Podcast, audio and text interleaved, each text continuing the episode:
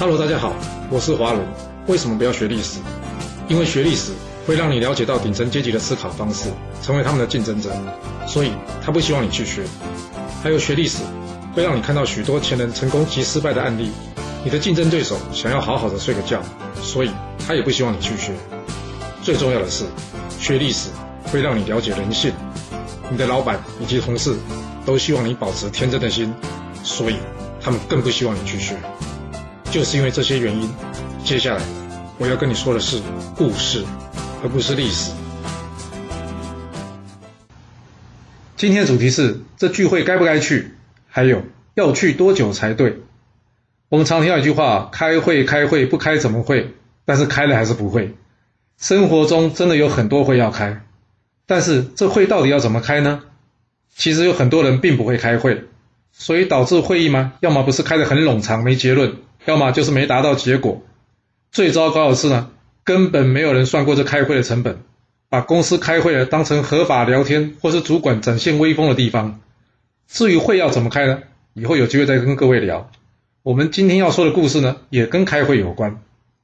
春秋的时候呢，这周天子不喜欢自己的太子公子正，他想要废掉他，改立这个太子。齐桓公知道这件事后呢，他跟管仲讨论。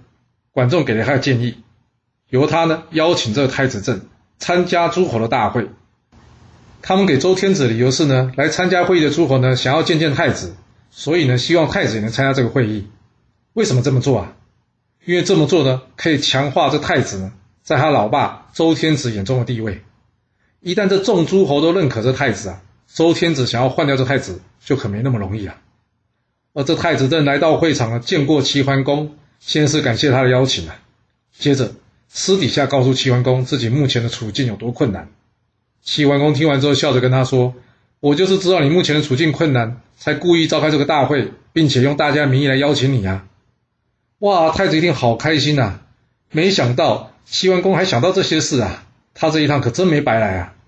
在会面结束之后呢，这太子很贴心，他怕诸侯们太辛苦了，所以呢。希望能提早结束这个会议，让大家回去休息。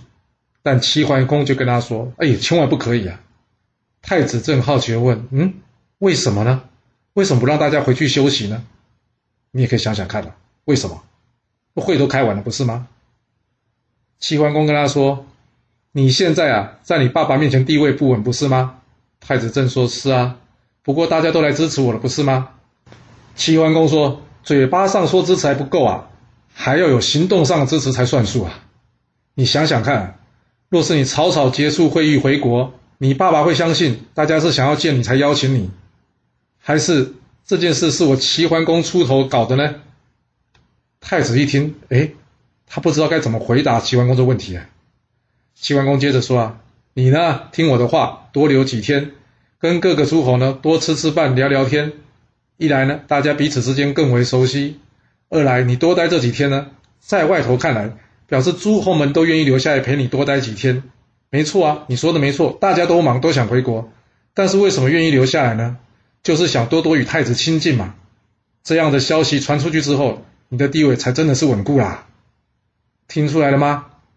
每个会呢都有它主要的目的，朋友啊、同事之间的聚会也是一样的，不是随便吃饭唱歌就不用想了。谁找大家来聚会？聚会的目的是什么？你是主客还是陪客？会议中有谁参加？什么话可以说？什么话不能说？你要用什么样的方式参与？